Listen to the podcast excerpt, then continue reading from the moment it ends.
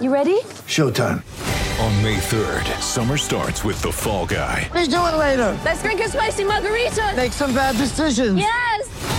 Audiences are falling in love with the most entertaining film of the year. Fall guy. Fall guy. Fall guy. That's what the poster said. See Ryan Gosling and Emily Blunt in the movie critics say exists to make you happy. Trying to make it out? Nope. Because I don't either. It's not what I'm into right now. What are you into? Talking. Yeah.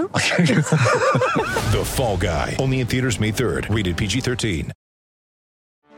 Get ready for the greatest roast of all time the Roast of Tom Brady, a Netflix live event happening May 5th. Hosted by Kevin Hart, the seven time world champion gets his cleats held to the fire by famous friends and frenemies on an unforgettable night where everything is fair game. Tune in on May 5th at 5 p.m. Pacific time for the Roast of Tom Brady, live only on Netflix.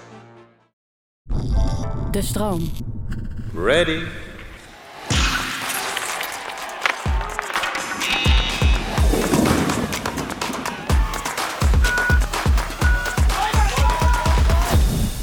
Je luistert weer naar een nieuwe warming-up van de Olympische Winterspelen. Ik ben Humberto Tan, dit is dag 8 van de Spelen, 11 februari 2022.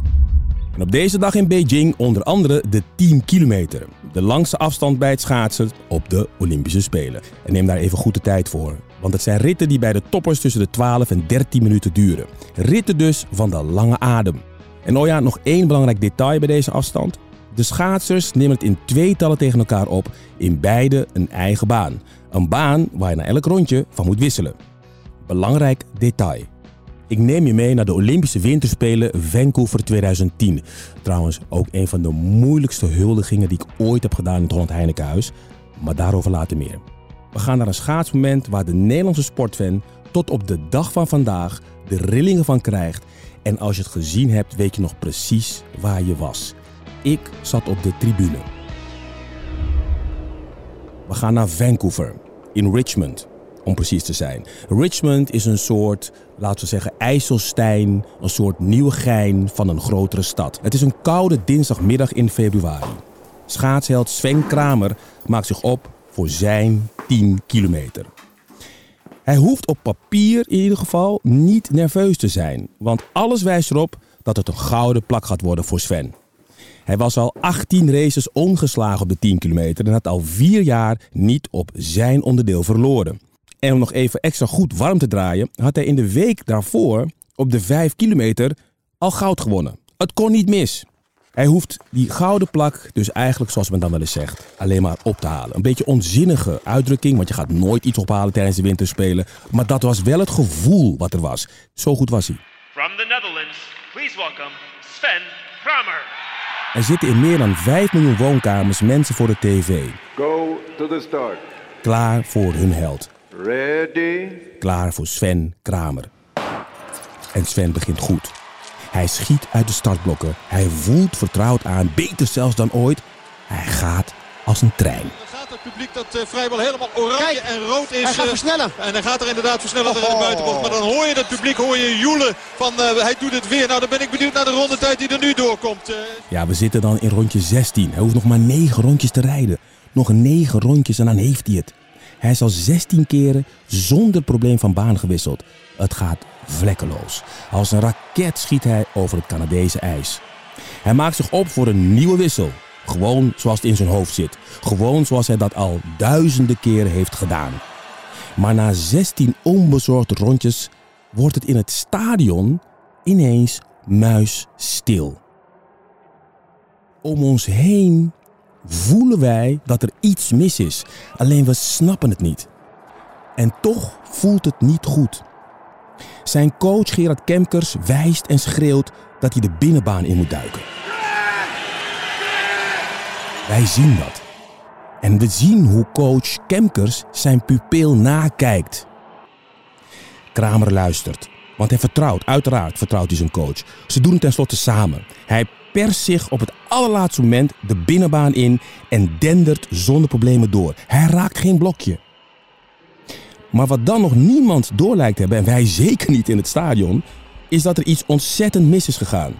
Er ontwikkelt zich een klein drama voor de ogen van de miljoenen kijkers voor de buis en de duizenden kijkers in het stadion.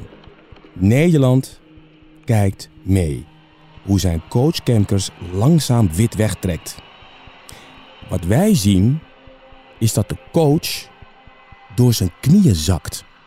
Op dat moment weten we, er is iets mis. Er is iets misgegaan. We weten nog steeds niet wat en dan kijken we naar die twee schaatsers. De televisiekijkers zien het al eerder dan wij in het stadion. Maar de conclusie is hetzelfde. Zou Kramer een fout hebben gemaakt bij de wissel? Nee. Oh, fout. oh, oh. Kramer fout. Zou Kramer Nee, toch? Zou dit Nee, een toch?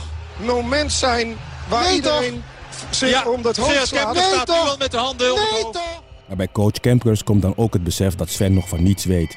Hij raapt zichzelf bij elkaar en coacht zijn schaatser door de laatste rondjes heen. Tegen beter weten in. De een zijn dood is de ander zijn brood. Ja. Maar wat is het jammer zeg. En je zag het meteen. Kijk, nu zien we Gerard Kemkers weer. Naar Kramer toe laat hij niks blijken. Maar op het moment dat Kramer voorbij is... dan zie je Kemkers gewoon eigenlijk door het ijs zakken. Letterlijk. Ja, Jongen, ja, iedereen. En na die laatste paar rondes komt Sven met zijn armen in de lucht juichende finish over. Kat in het bakkie, denkt hij. Top gedaan. Gouden plak kan niet missen. Maar het publiek reageert niet zoals hij verwacht en ook gewend is. Het is echt dof gejuich. Het is een slap applaus. Niet echt, omdat men weet, het is niet goed. En ook ik applaudisseer niet eens. Ik sta met kippenvel en verbijstering te kijken naar wat er voor me op het ijs zich afspeelt. Kemker schaatst de baan op naar Sven en vertelt op dat moment wat er gebeurd is. Sven hoort als laatste persoon van de hele hal dat zijn coach hem de verkeerde baan in heeft gestuurd. Kemkers probeert tevergeefs nog een arm om hem heen te slaan, maar Sven heeft genoeg van hem gehoord. Hij is er helemaal klaar mee. Klaar met deze dag, klaar met deze 10 kilometer. Deze fout zorgt er niet voor dat Sven nu naar huis gaat met zilver of brons. Nee, er volgt een disqualificatie op zijn 10 kilometer. En wij, dat trotse volkje dat met 5 miljoen mensen voor de televisie zit, dat blijft achter met een van de grootste trauma's uit de Nederlandse sportgeschiedenis. Die avond heb ik de moeilijkste huldiging ooit in het Holland Heinekenhuis. Want achter de coulissen staat een andere Nederlandse schaatser die zijn droom waar heeft zien worden. Hij heeft een bronzen plak gepakt. Hij had al goud, hij had al zilver en nu brons. Maar voor het podium staan 3000 mensen die vooral bezig waren met het trauma van Sven. Ik ben het podium opgegaan en heb tegen dat publiek gezegd: vandaag is voor één schaatser een nachtmerrie uitgekomen en voor de ander een droom. Ready. Behalve de 10 kilometer bij de mannen, die om 9 uur begint, staan er nog een hoop andere wedstrijden op het programma vandaag. Vanaf 12 uur rijden de vrouwen de kwartfinales, halffinales en de finale van de 1000 meter short track. En de gouden medaillewinnaar van vier jaar geleden, Suzanne Schulting, staat natuurlijk ook op het programma. Ik zeg nooit titelverdediger, want je bent Olympisch kampioen en je blijft het. En misschien krijg je een nieuwe titel erbij, maar je verdedigt hem niet. Je krijgt er steeds eentje bij, of niet, en heb je hard gevochten. Geniet allemaal weer van een prachtige wintersportdag in Beijing. En morgen ben ik er natuurlijk weer bij je terug. En dan ga ik het hebben over een schansspringer met hoogtevrees. Die niet alleen veel te zwaar is, maar ook nog eens met beslagen glazen van de schans afglijdt. Tot slot nog dit. Het gebruikte commentaar bij de rit van Sven Kramer in deze aflevering. Een speciaal woord van dank aan de collega's van de NOS. Van iedereen, voor iedereen. Adomani. Tot morgen.